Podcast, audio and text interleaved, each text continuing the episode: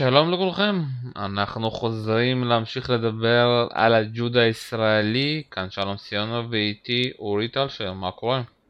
אהלן, מה נשמע שלום? שמע, אני אתחיל ישר, אתה יודע, ככה, אני אכנס לג'ודו ואני אכנס, אתה יודע, אה, בעיקר לג'ודו. כנס לתרגיל. כן, אני אכנס לתרגיל ואני אגיד, אתה יודע, אולי עודף הציפייה, ועזוב מה שהיה, וזה עודף הציפייה, אתה יודע, כאילו שאתה מגיע וכל אחד עולה לקרב כל כך לחוץ, וגם גודל התוצאה, אתה יודע, ואני נותן לך, אתה יודע, את ההפך הגמור, אתה יודע, המילים הראשונות שהמאמן של, אתה יודע, בטקוונדו, מה הוא אמר? תהני, תהני, תהני. ואת זה הרגשתי שחסר בג'ודו. אף אחד לא נהנה. כולם הגיעו עם שק ציפיות מטורף, וזה אם זה שני הרשקו, ואם זה סמאג'ה, ואם זה פונטי, כי ככה צריך, כי אתה צריך להיות הכי טוב. כי הציפיות צריכות תמיד להיות אה, מדליה, ואם זה לא מדליה זה קטסטרופה. וגם ככה כל קרב נהיה, אתה יודע, הרבה, הרבה קרבות היו הגנתיים מדי, לא התקפים מדי, חוסר מובנים, אני הולך לתמנה עכשיו, שיוביל להם שני עונשים, ואז פתאום עושה את ההתקפה המיותרת שמה. אני שוב פעם, אתה יודע, אני לפעמים כזה מסתכל, בסופו של דבר, אתה יודע, כולם יגידו עכשיו, הנבחרת, אתה יודע, כשלה וזה, במבחן התוצאה היא כשלה לציפיות שלה, אתה יודע, בציפיות שלה אה, היא כשלה, אתה יודע, כי אם אתה מגיע ואתה אומר, אנחנו חייבים לזכות במדליה, אז אתה בסופו של דבר, יש כאן איזשהו כישלון. אבל לדעתי הכישלון זה בגודל הציפיות, אתה יודע, ה over ציפיות, וגם over הלחץ, ואתה יודע, וזה די מפתיע אותי כי נבחרת ג'ודו, אתה יודע, היא די מנוסה, גם שני, גם אה, אורן, גם פונטי די מנוסים, די יודעים להביא את השח... את ה... אתה יודע, את הג'ודקאים שלהם במאני טאם, אתה יודע, להגיע אותם ב... ב... אתה יודע, בצורה הכי טובה, ועזוב קורונה וכל זה, כולנו עברו את זה, ואני הרגשתי שאתה יודע, שיכול להיות שפיזית הם הגיעו טוב, מנטלית, וכולם אשמים, אתה יודע, לא רק אתה יודע, הג'ודקאים. דווקא מלמעלה אני אומר שהם הגיעו קצת זכוכים מדי, עודף רצון, ולפעמים אתה יודע, כשאתה רוצה יותר מדי, זה גם לא טוב. ואני הולך דווקא עכשיו לזאבי, אתה יודע, שאני לפעמים שומע את הפודקאסטים, הוא אמר, אני הרגשתי בראש, בקרב הזה של 43, מעולה, אבל הגוף עדיין לא היה שם. ופה אני הרגשתי הפוך, שאצל כולם הגוף היה סבבה, אבל בראש הם לא הגיעו. כן. תראה, לגבי העניין של אה, ציפיות, אין ספק, זה, זה מאוד ברור בינתיים ב, אה, ב, במשחקים האולימפיים האלה, שהתוצאות הטובות שלנו, אה, של המשלחת הישראלית, הגיעו בעיקר מהמקומות שבהם הציפיות לא היו גבוהות או לא היו בכלל. יחד עם זאת, בוא נזכר במשחקים האולימפיים בריו, כמו שאמרת, נבחרת הג'ודו ידעה להגיע עם הציפיות הגדולות על הכתפיים ולספק את הסחורה. ירדן ג'רבי, אני מניח שהיה עליה לחץ הרבה יותר כבד משגיא מוקי ומתואר בוטבול ומפיטר פלצ'יק, והיא עשתה את זה, היא עשתה את זה למרות שהיה לה קרב רבע גמר עם שיפוט מאוד בעייתי, היא הייתה צריכה לנצח את הקרב הזה, ואחר כך היא התאוששה וניצחה את היפנית בקרב על המדליה, שאנחנו רואים כמה קשה לנצח יפני או יפנית בקרב על מדליה, אף אחד אחר לא עשה את זה במשלחת הישראלית אה, הפעם. אז ג'רבי עשתה את זה, אורי ששון עשה את זה בגדול, ושגיא מוקי הגיע לקרב על מדליה כשהוא פצוע והגב שלו מרוסק, זאת אומרת הוא כן, הוא כן עמד בציפיות, משלחת הג'ודו כן עשתה את זה, אני לא חושב, כן, כן יש עניין של לחץ, תראה הג'ודו הוא, הוא הענף הכי הישגי בישראל לדעתי ב-12-14 שנה האחרונות, השאיר מאחורה, השאיר אבק לשיט, לאתלטיקה, לשחייה, לכל, לכל ענף אחר, אז זה לא שהם לא יודעים להתמודד עם, עם, עם ציפיות ולחצים, פה באמת הייתה, אני לא יודע, זה שילוב, כנראה עוד הרבה ידברו על זה, על השילוב הזה בין ה... התחושת ביטחון של הדירוג הגבוה והמדליות שהם עשו בתחרויות גדולות, לבין הלחץ הגדול שהם היו בו. כלומר, יכול להיות, ושוב, זה באמת, אנחנו לא, אין לנו תעודה בפסיכולוגיה, יכול להיות שגם אתה רואה איך שככל שהימים עברו, והנבחרת ראתה שה, שההחמצות הולכות ומצטברות, הלחץ גדל. כלומר ראשוני ו- וברוך שמיילוב בימים הראשונים, אתה יודע, היו, לא ציפו מהם ליותר מדי, בטח לא משיר הראשוני, היא באה מהדלת האחורית, עשתה קרבות מדהימים, אגב בדיעבד, אנחנו דיברנו בתחילת, ה... בתחילת התחרות ודיברנו על הציפיות, שיר הראשוני בסופו של דבר היא הג'ודוקה היחידה מבין כל המשלחת שהתעלתה. מה זה אומר התעלתה? ניצחה ספורטאית מדורגת מעליה. והייתה קרובה מאוד לנצח את השנייה בעולם, היא ניצחה את החמישית בעולם וכמעט ניצחה את השנייה בעולם, זו התעלות, אף אחד אחר או אחת אחרת לא עשו את זה, גם עם הגרלות יותר קלות, אז אני חושב שהיה פה גם איזשהו, איזשהו מנגנון המשכיות של הנבחרת בקטע שלילי, כי תמיד אומרים על נבחרת שזה נורא חזק, לבוא כנבחרת ולא להגיע כלוחם בודד, ובסופו של דבר אתה רואה שככל שהאכזבות הצטברו, ככה גם ההישגים התגמדו. ביום השני תואר בוטבול ותמנע לנסון לוי הגיעו, אולי עם המוטיבציה שהייתה יום קודם, הם ראו שזה אפשרי, אה, או שזה היום השלישי, סליחה, ביום השלישי, אה, כי ביום הראשון הייתה את ראשוני, מקום חמישי, ברוך שמאי ביום השני, מקום חמישי, אה, תואר בוטבול ותמנע, מקום שביעי, ואז הגיעה הצניחה כי הלחץ היה מאוד מאוד גדול, הלחץ על סגי מוקי ואחר כך הלחץ על פיטר פלצ'יק היו אדירים. ואתה רואה באמת שאף לוחם, בעיקר בגברים אני מדבר, כי בנשים בסופו של דבר הייתה הופעה סבירה מאוד, אפילו טובה. שיר הראשוני מעבר לציפיות, מקום חמישי, תמנע נלסון לוי בציפיות, מקום שביעי, אני חושב שגם לנשים הייתה הגרלה יותר קשה, בסיכומו של דבר, זה לא תחרות על הגרלות, אבל אה, הייתה לאנשים הגרלה יותר קשה, גם תואר בוטבול וגם ברוך שמיילוב יכלו אה, להגיע למדליה בלי לפגוש איזה לוחם על, והם לא עשו את זה. אה, וכן, היה פה עניין של שילוב, אני מתחבר למה שאתה אומר גם עם הלחץ, ואני לא חושב שהייתה זכיחות, אני לא חושב שמישהו חושב שאנחנו מעצמה בג'ודו, אנחנו רחוק מזה, אנחנו נבחרת מרשימה, והגענו לטוקיו עם אחת מנבחרות הגברים הכי מרשימות ואיכותיות שהיו פה אי פעם, אבל בסופו של דבר, אה, המדליסטים שלנו, הספורטאים, אתה מסתכל על הספורטאים שהתעלו באליפויות עולם, שזה בעצם המדד, המדד הוא לא Grand Slam ולא אה, Grand Prix ולא אליפויות אירופה, המדד הוא מי עשה מדליה או קרוב לזה באליפות עולם. בקדנציה הקודמת, בקמפיין הקודם, ירדן ג'רבי ושגיא מוקי עשו את זה, סליחה, מוקי לא, לא הגיע למדליה אבל היה קרוב, ירדן ג'רבי עשתה את זה, ועובדה שהיא גם הביאה את הסחורה באולימפיאדה אחרי שנה לא טובה שלה, וכאן שגיא מוקי היה בעצם המדליסט היחיד מאליפויות העולם אה, שידע לעשות את זה. אה, ובאולימפיאדה זה בעצם האכזבה הגדולה. מה שהתעלומה הגדולה היא מה עבר על שגיא מוקי בשנתיים האלה.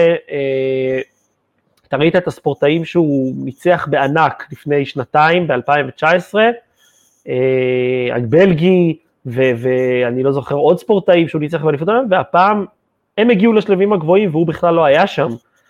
אז uh, יש שם איזושהי בעיה. אני כן חושב שיש נקודות אור, אתה מסתכל על הנבחרת נשים, על, על, ה, על היכולת של שיר הראשוני שאולי תחזור, תחזור לעוד קמפיין, אה, גפן פרימו שיכולה לתת פייט ב-52 קילו, ענבר לניר שהיא מאוד מוכשרת ואתה רואה שיש לה פוטנציאל, רז הרשקו יכולה לתת עוד קמפיין. בגברים אתה, אתה צריך, צריך לראות איך הם מגיעים למאני טיים, כי בסופו של דבר ראינו שבכל המשקלים היו הפתעות, אבל גם היו ספורטאים בכירים על הנייר שידעו לעשות מדליה, ואצלנו היו לא הפתעות, חוץ משיר הראשוני, וגם לא הבכירים עשו את, ה, את מה שמצופה מהם, היה פה איזשהו שילוב של נסיבות, עכשיו אם ברוך שמיילוב היה לוקח מדליה, כנראה שהיינו מדברים אחרת, אבל עדיין האכזבה משגיא מוקי ופיטר פלצ'יק היא גדולה בגלל הביצועים, בגלל האנשים שהם הפסידו להם, בגלל השלב, בגלל איך שזה נראה. אה, כי שיר הראשון היא הגיעה למקום חמישי, אבל ניצחה בדרך מדורג, מדורגת בחירה ממנה ו, וכמעט ניצחה את השנייה בעולם. שגיא מוקי הפסיד ל, ל, ליריב שהוא לא אמור להפסיד לו. אה, ו, ופיטר פאצ'יק נראה טוב והפסיד בכל זאת, לא התחבר, פשוט לא התחבר. ו, וזה בולט על רקע זה שבענפים אחרים יש עמידה בציפיות. כלומר, בטקוונדו הצליחו להביא מדליה בלי שציפו לזה. באתלטיקה בינתיים אנחנו רואים שני גמרים והופעה גדולה כבר בערב הראשון של המשלחת הישראלית. בשחייה ראינו שני, שני גמרים והופעה נהדרת, גם של שליחים, גם של גורבנקו. אה, בהתעמלות מכשירים, ארטיום דולגופיאט עמד בציפיות ועשה גמר. כלומר, יש לך גמר בכל אחד מענפי הליבה של המשחקים האולימפיים. בשחייה, באתלטיקה ובהתעמלות מכשירים לפחות גמר אחד, יש לך שניים באתלטיקה ושניים בשחייה, ודווקא בג'ודו, שזה כאילו הלחם והחמאה שלך, שם כשלת. אה, גם ההופעה של יואב עומר בשייט היא הופעה יפה. עמד בציפיות, ניסה להיות, להילחם על מדליה, זה לא פשוט. שם באמת, אה, ואם מתחבר גם קטי ספיצ'קוב, כמועמדת בחירה למדליה, מה שצרם היה שהיא גלשה טוב רק שכבר לא היה לה מה להפסיד. רק אתמול היא עשתה שיוטים 1-1-4 או 1-1-5, שכבר לא היה בעצם ערך, שהיא כבר איבדה את הסיכוי הריאלי, ואז אתה אומר לעצמך, עכשיו את עושה את זה, עכשיו את מראה מה את יודעת, וזו בעצם הבעיה. הבעיה היא להתמודד עם הלחץ, כאילו אין לחץ, באמת להצליח ליהנות, הרי גם אבישג סומברג, עם כמה שהיא נהנתה וחייכה בקרב, היא רצתה את המדליה, היא הייתה בלחץ, אבל איכשהו הצליחה להתעלות ולהביא את הלחץ למקום שירים אותה ויגרום לנצח את הטורקיה שמדורגת שלישית, וזה לא קרה בג'ודו בכלל. אתה יודע, שוב פעם, אצל אבישי זה היה מאוד מעניין, בדיוק כמו שאמרתי לך, המאמן, אתה יודע, הוא, כאילו, שהוא עליו, צעק עליה, תהני, תהני, תהני. אתה יודע, יש שם הרבה דברים כאילו שונים שאתה גם פתאום, אתה יודע, ה challenge הזה שנותן לך את הזמן הזה קצת לחשוב, וזה גם ספורט אחר, אבל אתה יודע, מבחינה מנטלית, ראית שוב פעם, יכול להיות שהיא גם היא כוכבת, ואתה יודע, ולך תדע מה היא תעשה בפריז והלאה, כי אתה יודע, לקחת בגיל 19 מה שהיא עשתה, אז אתה יודע, זה פה, זה כמו, אתה יודע, הזכייה של נינט בכוכב נולד, אתה יודע. יכול להיות שנולדה לנו פה כוכבת בלי שאף אחד, אתה יודע, יודע. אבל בג'ודה, אתה יודע, דווקא ציפיות, אתה יודע, איפה שכאילו שמתי לב כאילו שזה... הם לא נהנו, למה הם לא נהנו? תסתכל איזה רעיונות היו לנו, אחרי כל, אתה יודע, כל מי שכאילו הפסיד ישר, אתה יודע, יכול, ו, ותגיד לי אתה, אתה יודע, אני לא יודע, שהיית בריו, אתה יודע, יכול להיות שהלחץ הזה של העיתונאים, אה, זה מפריע כי הג'ודקאים לא רגילים לכמות כזאת תקשורת מהארץ שכולם מגיעים, שכל פיפ שלך והם יודעים אחרי מה שקרה לירדן ולאורי שאם אתה זוכה החיים שלך מתהפכים תסביר לי אתה כאחד שהיה שם, אתה יודע, כעיתונאי. קשה מאוד. אני, אני קודם כל הרגשתי לפני ריו שירדן ג'רבי וכל הצוות שלה היו בלחץ אדיר. אבל אה, צריך לדעת להתמודד עם הלחץ. אתה מסתכל בסופו של דבר על הספורטאים שעשו מדליות, הספורטאים הישראלים, אז באמת יש לך את הספורטאים הישראלים ש, שככה בצעירותם עקצו מדליה בלי שמישהו שם לב אליהם. שחר צוברי עשה את זה ב-2008 בבייג'ין, שהוא היה בחור צעיר, אורן סמדג'ה עשה את זה אה, בברצלונה כשהוא היה בחור צעיר, יעקב תומרקין עשה גמר אולימפי בשחייה באולימפיאדה הראשונה שלו, גל פרידמן באטלנטה עשה מדליה אה, כשהוא היה בחור צעיר, מדליית ארד, והשאלה היא, מה הביא את הספורטאים הבכירים, אלה שכן סימנו אותם כמועמדים, לעשות את זה בכל זאת, שזה יעל ארד ב-92, שכל המדינה הייתה לה על הראש, ואריק זאבי ב-2004, זה היה אחד המכבשי לחץ הכי גדולים שאני זוכר, כלומר, כל המדינה נסעה לאתונה לראות את, הש... את, ה... את התחרויות שלו, אה, והוא עמד בזה. ולמה הוא עמד בזה? למה אה, שחר, לא שחר צובר, פרידמן באתונה עמד בזה, וזאבי עמד בזה, וירדן ג'רבי עמדה בזה. כנראה כי גם, ויעל ארד כמובן, כי יש להם את האופי הזה, שמאפשר להם אה, להיות חסינים מול הלחץ, כי הלחץ הוא גדול, כשיש לך מדינה שלמה על הכתפיים זה לחץ גדול. אבל גם כי הם כנראה היו כל כך טובים, כלומר הרגשתי על ירדן ג'רבי בריו, שגם שהדברים לא התחברו לה ובקרב הראשון היא, היא, היא הייתה בפיגור וחזרה, ובקרב רבע גמר באמת זה היה לדעתי קיפוח גדול מאוד של השופט, ולצאת מזה ולחזור ולהגיד לעצמך, טוב, זהב או כסף אין לי, אני אלחם על הערד, זה אומר שגם יש לה את היכולת המנטלית, וגם יש לה את ה... היא כל כך טובה, שגם אם היא קצת אה, מפספסת או ממצמצת מנטלית, היא יודעת לכפר על זה כי הכישרון שלה נורא גדול. עכשיו, כשדיברת, אני חשבתי לעצמי בראש, תראה, ג'ודו זה הענף הכי, הכי הישגי שלנו בעשר שנים האחרונות, עדיין שום דבר לא, לא ישנה את זה, יש לנו, אה, אני לא טועה, ארבע או חמש מדליות אולימפיות בג'ודו, אה, ענף מאוד הישגי, אין מה להשוות אותו לכדורגל הישראלי ש, שכושל פעם אחר פעם בזירות הבינלאומיות, אבל אני חושב שיש כאן איזשהו משהו דומה באיך שהקהל שה, חווה את המשחקי כדורגל של נבחרת ישראל ברגעי ההכרעה בכדורגל, לבין הקרבות של המועמדים בג'ודו, כלומר הרגשת שבמאני טיים יש פה איזושהי התרסקות, שכאילו זה לא עובד לנו, והרגשת כמה הספורטאים סובלים ונלחצים מהמעמד. כמו שאתה אומר, ברעיונות אחר כך, כאילו בצליבה התקשורתית הזו, זה, זה כאילו הרגיש כמו מין משהו שהפעם חייב לקרות, ולא קרה, ומכאן הגיע הלחץ. שיר הראשון היא עלתה ביום הראשון כשאף אחד לא חשב שאמור לקרות משהו וכשלא היה לחץ. אני חושב שזה עזר לה מאוד להביא את היכולות שלה, היא לא הייתה בלחץ, והיא כנראה גם יודעת להתעלות.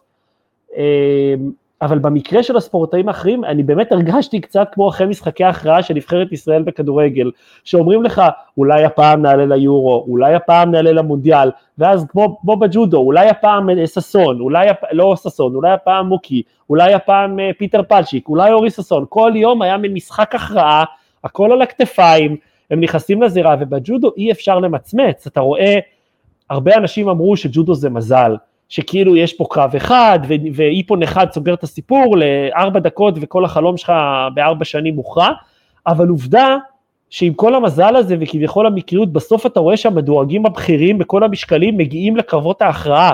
מי שעשה את המדליות באליפות עולם ואליפות, ואליפויות אירופה ואולימפיאדות קודמות עושה את זה שוב. זה לא מקרי שב-63 קילו בבנות, בנשים, הצרפתייה והסלובנית הגיעו לגמר גם בריו וגם עכשיו, לא משנה כל התהפוכות שהם עברו, קורונה, לא קורונה, ספורטאים וספורטאיות בכירים ובכירות יודעים לעשות את העבודה. וכנראה שהלחץ הזה, ותראה, התחושה של הספורטאי ישראלי, שאם הוא יעשה מדליה אולימפית החיים שלו ישתנו, זה לטוב ולרע, כי, אתה, כי, כי זה גם מאוד מלחיץ.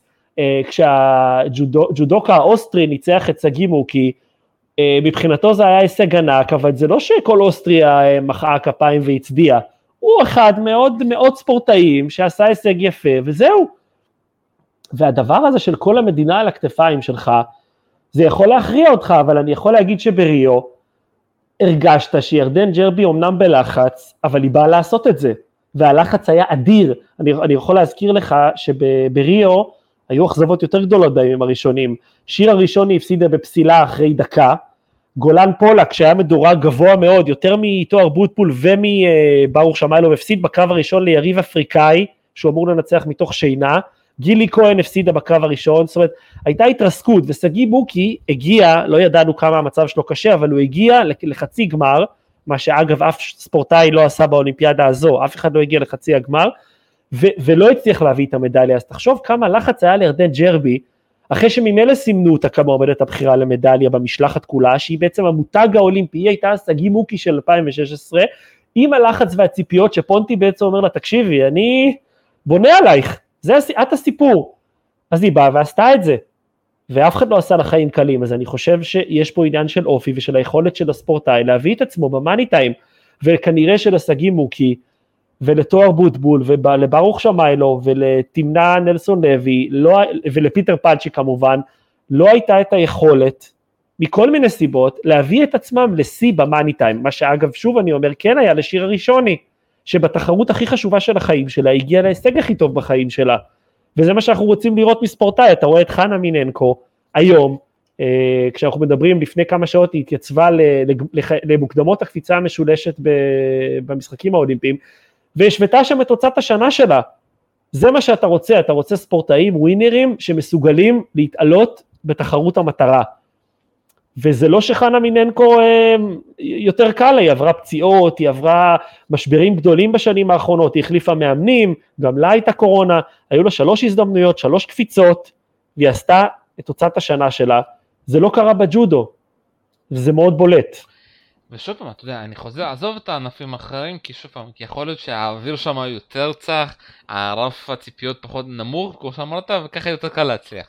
אני, בואו קצת נדבר, אתה יודע, אתה מבין יותר טוב ממני, ועכשיו אני, אתה יודע, אני קורא פייסבוק, טוויטר, אה, מתחילים קצת לדבר, פונטי, סמאג'ה, הרשקו, כמה יש להם צד, כמה יכול להיות משהו בהכנה לא היה נכון, כמה ציפיות, יכול להיות שהמאמנים המנטליים לא היו טובים, אתה יודע, כי משהו, אתה יודע, בסופו של דבר, לכל כישלון יש, אתה יודע, יש, אתה יודע, לכל כישלון... יש אבות. יש אבות. יש אבות ואימהות. יפה, יש אבות ואימהות, אז מי פה, מי, מי אשם כאן בסופו של דבר, או שאין אשמים? תראה, קודם כל אנחנו גם צריכים לזכור, אנחנו מדברים פה על כישלונות, ובאמת התחילו להשתמש ב... בביטויים כאלה של אכזבות וכישלונות ומחדלים וביזיונות, עדיין צריך לזכור שאם ברוך שמיילוב מנצח את הברזילאי שהוא היה באמת יותר טוב ממנו בקרב ועושה מדליית ארד, אז לא היינו מדברים על, על הכישלון של הגברים כמו שאנחנו מדברים עליו עכשיו.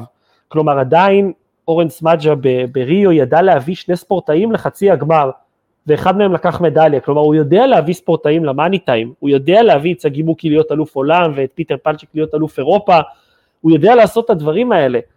כאן משהו לא התחבר, ו- וצריך להבין מה, באמת משהו לא התחבר. במקרה של אנשים, אני חושב באמת שבמקרה הזה, הייתה עמידה בציפיות אפילו פלוס. כלומר, שני הרשקו בא מראש עם נבחרת בלי כוכבות גדולות, היו לו בשנים הקודמות את אה, ירדן ג'רבי, את לינדה בולדר, שהיו מועמדות, כאן הוא הגיע עם נבחרת יחסית צעירה, או בוא נגיד אה, מתחרות מעבר לשיא, ואחת מהן עשתה מקום חמישי, הייתה בעצם הכי קרובה למדליה מכל המשלחת, אה, ואחת עשתה מקום שביעי, וזה היה בסדר, הוא יצטרך עם הדור הבא לפריז, להוכיח שהוא ידע לבנות את הנבחרת הזו לפריז ולהביא הישגים, שם יהיה המבחן שלו. במקרה של אורנס מג'ה, אני באמת חושב שהוא הביא את, הנבח... הביא את הנבחרת אה, שלו לנקודת הזמן הזו, הוא היה צריך להביא אותם לפיק, וזה לא קרה. משהו בעבודה שם לא היה נכון. המילי, העניין הזה של סאב שורה תחתונה של כישלון או לא כישלון, אין ספק שהנבחרת הג'ודו בגברים זה אכזבה ענקית, לא רק בגלל שלא הייתה מדליה, אלא בגלל שחוץ מברוך שמיילוב לא ראית באמת את הספורטאים מגיעים ליכולת שלהם ומגיעים קרוב אפילו למדליה, וזו הייתה הבעיה, שאתה מביא חמישה ספורטאים מדורגים בשמינייה הראשונה, שזה אומר שעד רבע הגמר הם לא פוגשים מדורג אחר, ועדיין אף אחד מהם לא הגיע לקרב על מדליה חוץ מברוך שמיילוב, אז משהו, משהו לא עבד. אה, וזה בולט, זה בולט שמשהו לא עבד. עכשיו אני לא חושב שמפה צריך להשליך על זה שכל המנגנון של איגוד הג'ודו לא עובד טוב, כי, כי איגוד הג'ודו כן הציל את המשלחת בריו, הוא כן עשה שתי מדליות ארד, ובעוד כל הענפים האחרים אה, די אכזבו.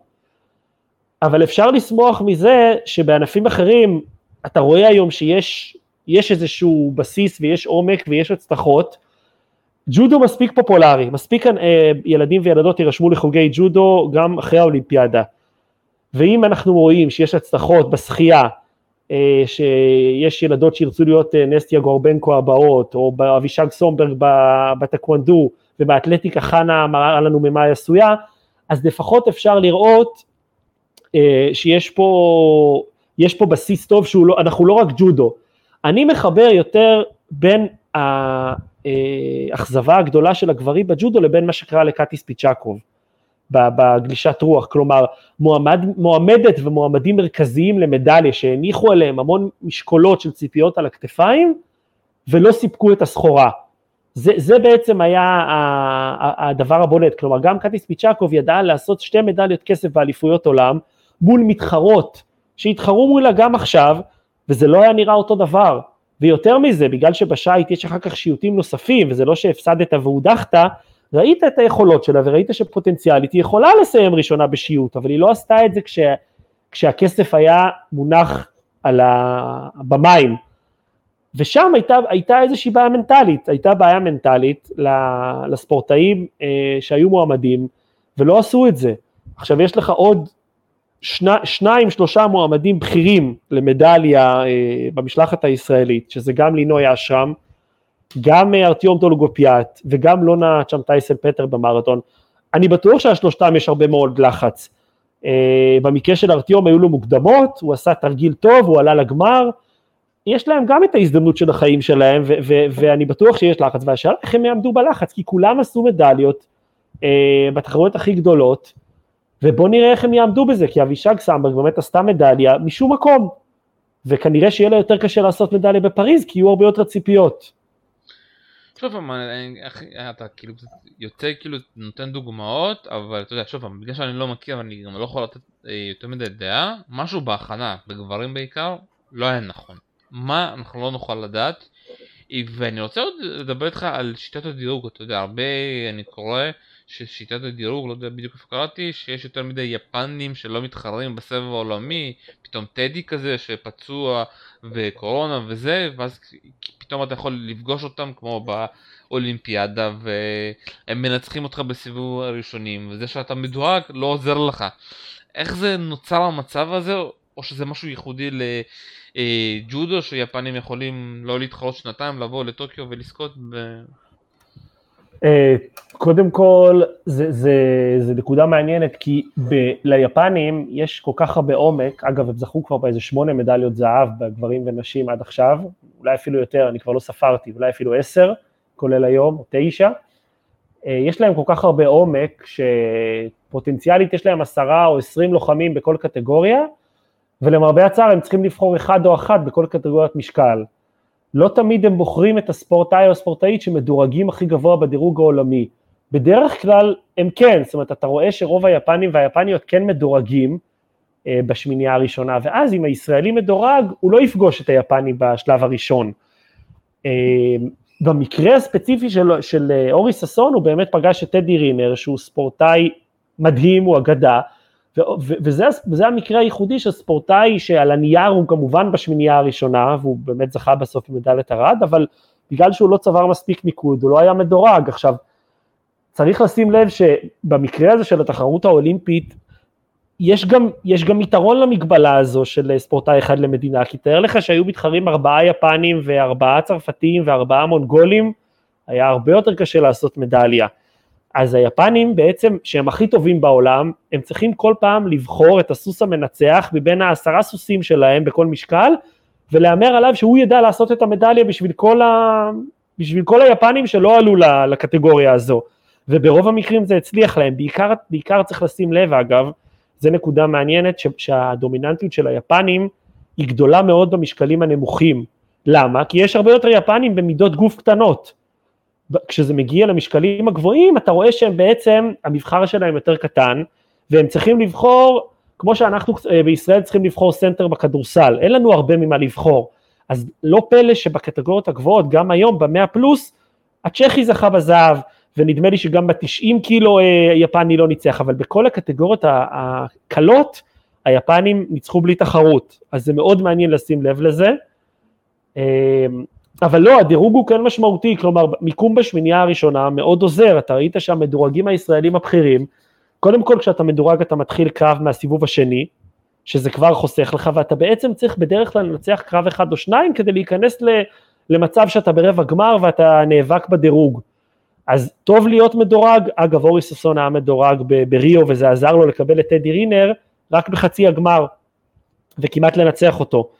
אז להיות מדורג זה טוב, אבל זה לא מספיק, צריך לדעת לעשות את המדליות בתחרויות הגדולות, צריך להתעלות בתחרויות הגדולות, אה, והפעם זה לא קרה, זה לא קרה וזה, וזה כואב, כי דווקא היו ציפיות והייתה משלחת מאוד איכותית, אה, בעיקר בגברים כאמור, אבל אני לא, אני, אני מאוד מקווה שגם אה, משה פונטי היושב ראש וגם אורן סמאג'ה ידעו להפיק לקחים ולהתעמת עם, ה, עם הטעויות שהם עשו בקמפיין הזה כדי ליישם את זה לפריז.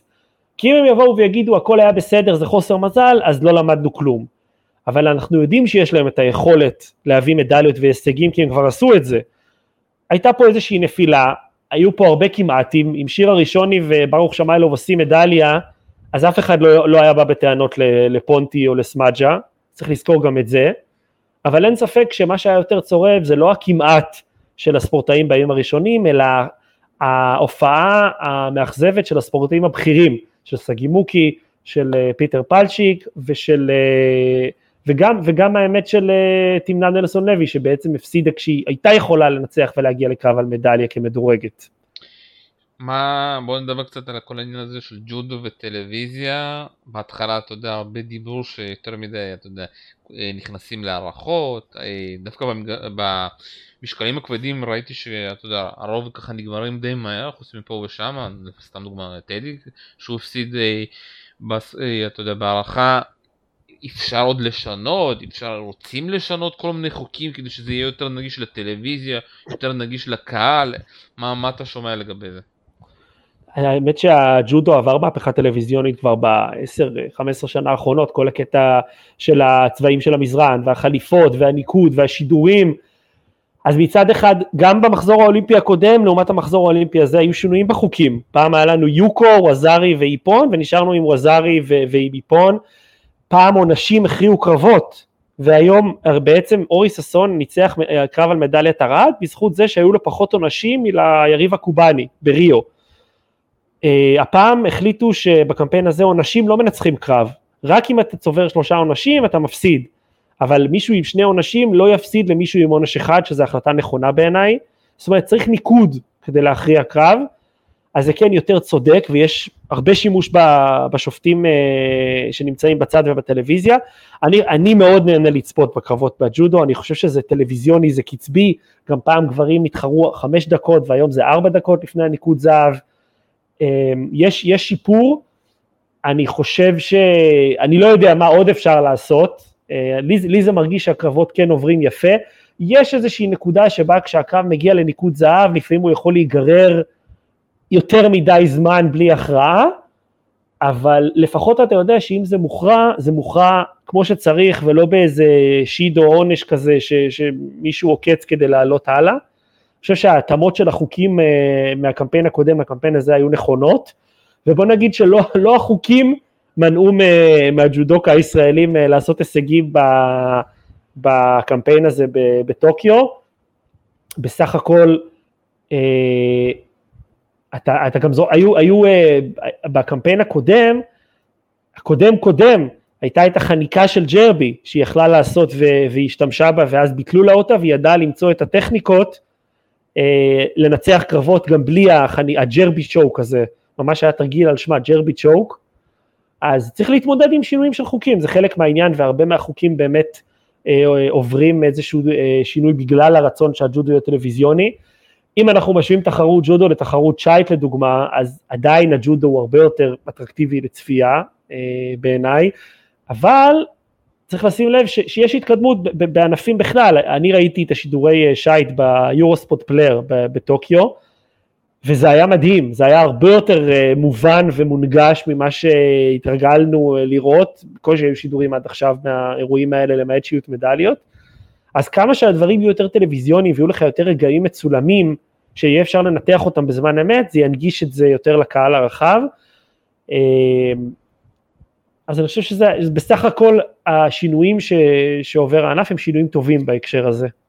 אני אגיד לך מה אני הרגשתי, קודם כל הרגשתי שמאוד קל לעלות ליתרון אבל מאוד קשה לעשות מהפכים, אתה יודע אולי ראיתי מהפך 2-3 אה, דבר שני, שאתה יודע, אתה נכנס כבר לניקוד זהב, לפעמים הקרבות נמשכים, נמשכים, אני כבר לא זוכר, לדעתי מוקי גם הגיע שם לכבר 6 דקות קרב, וזה כבר 10 דקות קרב, ואתה, ולפעמים גם השופטים, אתה יודע, לא ממהרים לתת את העונש השלישי, אה, אז כאילו, אתה יודע, זה קצת כאילו מרגיש לי קצת, אה, שפתאום הקרב האחרון, אתה יודע, וגם אין לך כאילו, אתה יודע, אין מהפכים כאלה גדולים, אתה יודע, וגם הקטע של ההפתעות, אתה יודע, אתה אומר שהמדורגים הבכירים תמיד יגיעו עד הסוף וזוכרים את ההפתעות. אני רוצה קצת רגש, אתה יודע, אה, אתה יודע, זה שטדי עף היום ברבע הגמר, זה היה באמת היה כיף לראות פתאום טדי עף, אתה יודע, גם אתה שומע את הצעקה של מירי, של אריק, זה פתאום אתה יודע, אתה אומר, הנה הבן אדם הגדול שלקח שתי איזה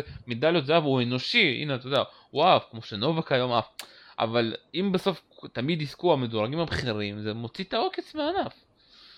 תראה, קודם כל היו, היו הפתעות בג'ודו, לצערנו לא בצד הטוב שלנו, אבל היו הפתעות ובכל משקל היה איזה ספורטאי או ספורטאית ש, שהם לא היו במועמדים המובילים או הדומיננטיים למדליה, והם עשו מדליה, אני יכול לעבור איתך על המשקלים, אבל אני אפילו זוכר קרב במשקל של ירדן ג'רבי של ה-63 קילו, שהיפנית, שהיא אגב אותה יפנית שג'רבי ניצחה בקרב על הארד בריו, מיקו טשירו, הפסידה לפולניה בסיבוב הראשון או השני והודחה, זאת אומרת זו הייתה הפתעה אדירה, יפני של אפילו לא מגיעה לקרב על המדליות, זה, זה היה מטורף. והיו כל מיני הברקות כאלה, היו שתי, שתי לוחמות מקוסובו שזכו במדליית uh, זהב בקטגוריות משקל שלהם, שזה לא הייתה סנסציה כי הם היו מדורגות בחירות, אבל זה עדיין לא היה היפנית ש, שציפו שתזכה.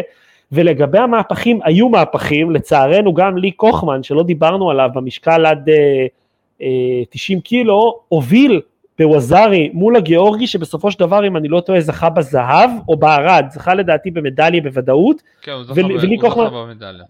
ולי קוחמן הוביל עליו, הוביל עליו משהו כמו דקה וחצי לסוף ולא ידע לשמור על היתרון הזה, זאת אומרת אנחנו שוב בצד הלא טוב של הסטטיסטיקה, היו מהפכים, לא הרבה, כי ברגע ש- שג'ודוקה עושה את הניקוד שלו, הספורטאי השני נלחץ, ו- ויש באמת את האפשרות, בטח עם הניסיון, להעביר זמן.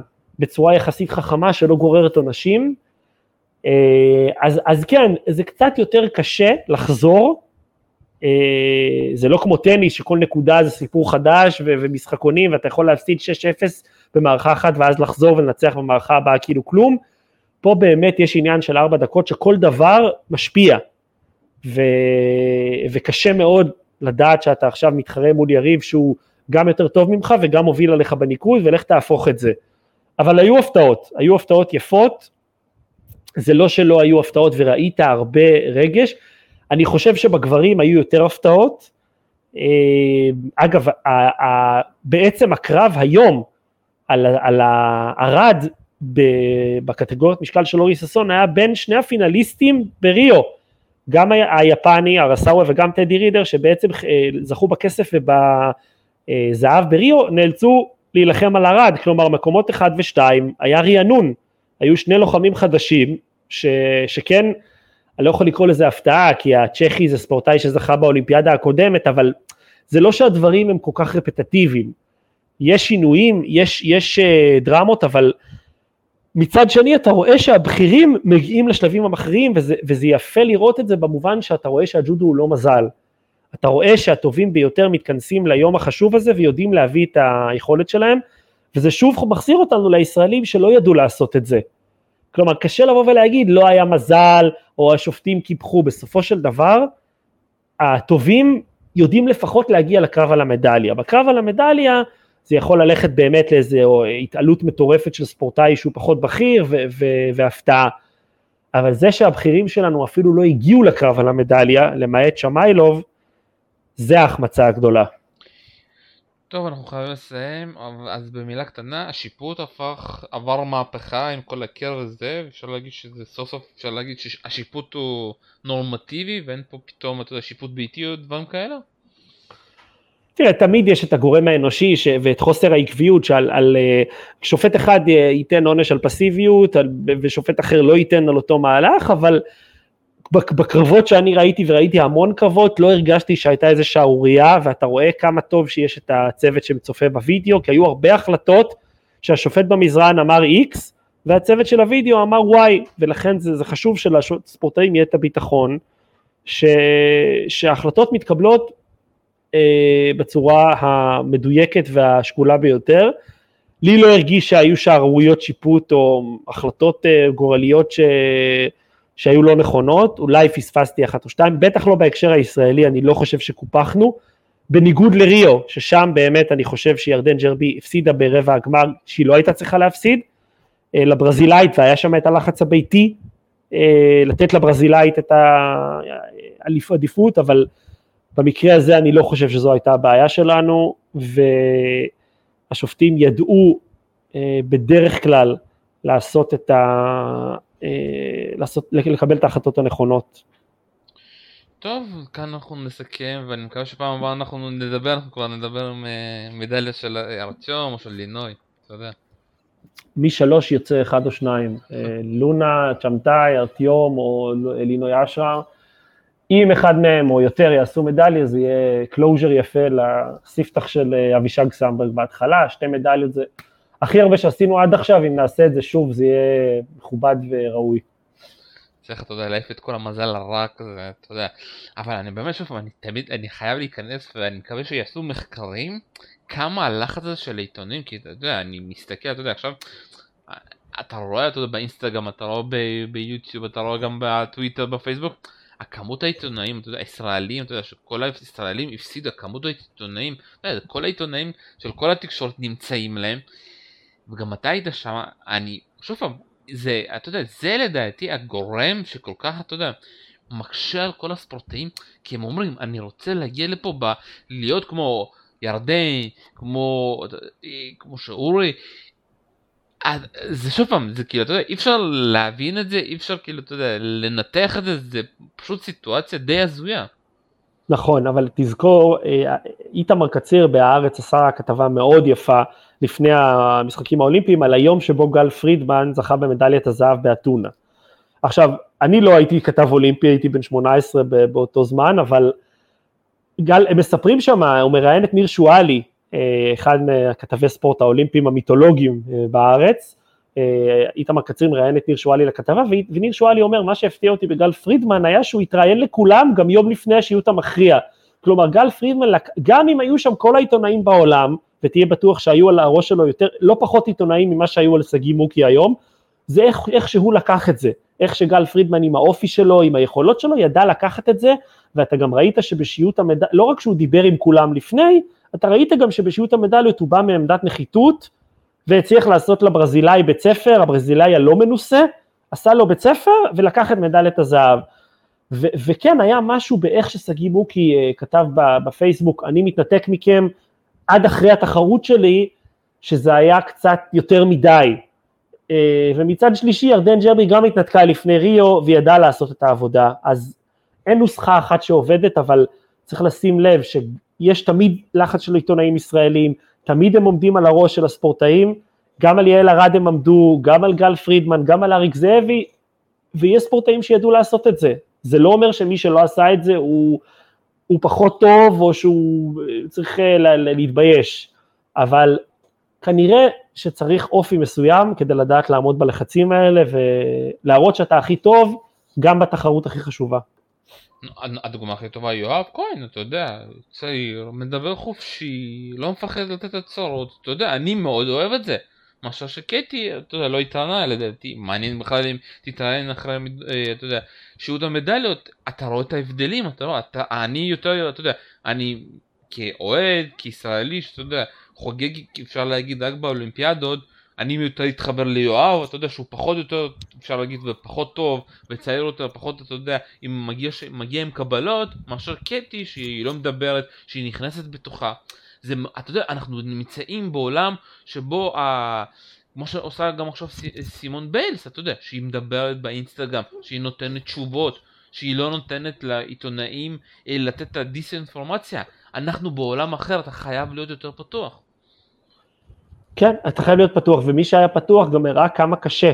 הפתיחות של ביילס ובעצם וה... ההבנה כמה, מה עוצמת הקושי המנטלי שהיא עוברת, נותן לך איזשהו רמז או סימן לקושי המנטלי שעבר גם על הספורטאים שלנו, שיכול להיות שהוא לא טופל בזמן, או לא טופל במינון הנכון, בהקשר של גודש ה... והלחץ שהרגישו אה, סגי מוקי ופיטר פלצ'יק ותואר בוטבול וב money time. וזו נקודה מעניינת ש, שצריך אה, יהיה לבחון אותה. אה, בוא נאמר שאין ספק שלפחות בקמפיין האולימפי עד פריז, אני חושב שגם התקשורת הישראלית וגם הציבור לא יתרגשו כל כך. תהיה, תהיה יותר פרופורציה כלפי מדליות בתחרויות אחרות, כי יזכרו כמה האולימפיאדה היא סיפור אחר, כמה היא מדד אחר להצלחה, ומדליות באליפויות, לא אחרי כל מדליה בגרנדסטם או אליפות אירופה אפשר לרוץ ולהגיד שהוא, שהספורטאי או הספורטאית האלה מועמדים למדליה אולימפית. צריך לבנות הרבה שכבות של חספוס והישגים כדי להיות מועמד למדליה אולימפית. אבל אתה יודע, בג'ודו כבר רגילים, ב-2012 בלונדון לא הביאו שום דבר וב-16 כן הביאו. אז הפעם גם הולך להיות, אה, אתה יודע, לא טוב, הם, הם יביאו שוב פעם, אני לא דואג לג'ודו, אני דואג איך אתה מגיע, אתה יודע, את הדברים שאתה צריך ללמד את האנשים. אני מדבר פה, נפלת לא בגלל שאתה לא טוב בג'ודו, לא נפלת כי אתה לא יודע, אתה יודע, אה, להפיל יריבים, נפלת פה בקטע מנטלי כנבחרת, לא כבודד, אתה יודע. אבל אני מדבר על הגברים, בנשים שוב פעם. שאלה, לא... כן, זו שאלה טובה. אה, איך, איך, איך, איך ולמה נפלנו, נפלנו תרתי משמע, נפלנו יותר מדי על המזרן, על הגב בתחרות הזו. אה, וזה כן הולך איתנו לקמפיין הבא, כי גם בקמפיין הבא אורן סמדג'ה ידע להביא את הספורטאים שלו לדירוג גבוה, מי שיתחרה, ויצטרך, יחד עם זאת ש, שהוא יצטרך להראות להם ש, שההישג באולימפיאדה הוא חשוב, הוא יצטרך לעזור להם להוציא מעצמם את הטוב ביותר ב, ביום הזה, ולא, ולא לעלות אה, לחוצים כל כך. מבחינת הפרישות, מישהו יפרוש? אה, ימשיכו כולם מול הקמפיין? אה? קשה לדעת, אני לא מספיק מחובר למה שקורה שם עכשיו כדי לדעת, אבל אני חייב להגיד שדווקא אורי ששון, שאני הרגשתי בשנה, שנתיים האחרונות, שהוא באמת על ידי הדלק האחרונים, והוא מיצה את זה, ופריז תהיה ההופעה, וטוקיו תהיה ההופעה האחרונה שלו, דווקא אחרי הקרב הזה היום, ההופעה היפה שלו מול טדי רינר והגישה שלו, דווקא יש לי תחושה שאולי הוא כן ימשיך לעוד קמפיין לפריז, לעוד שלוש שנים.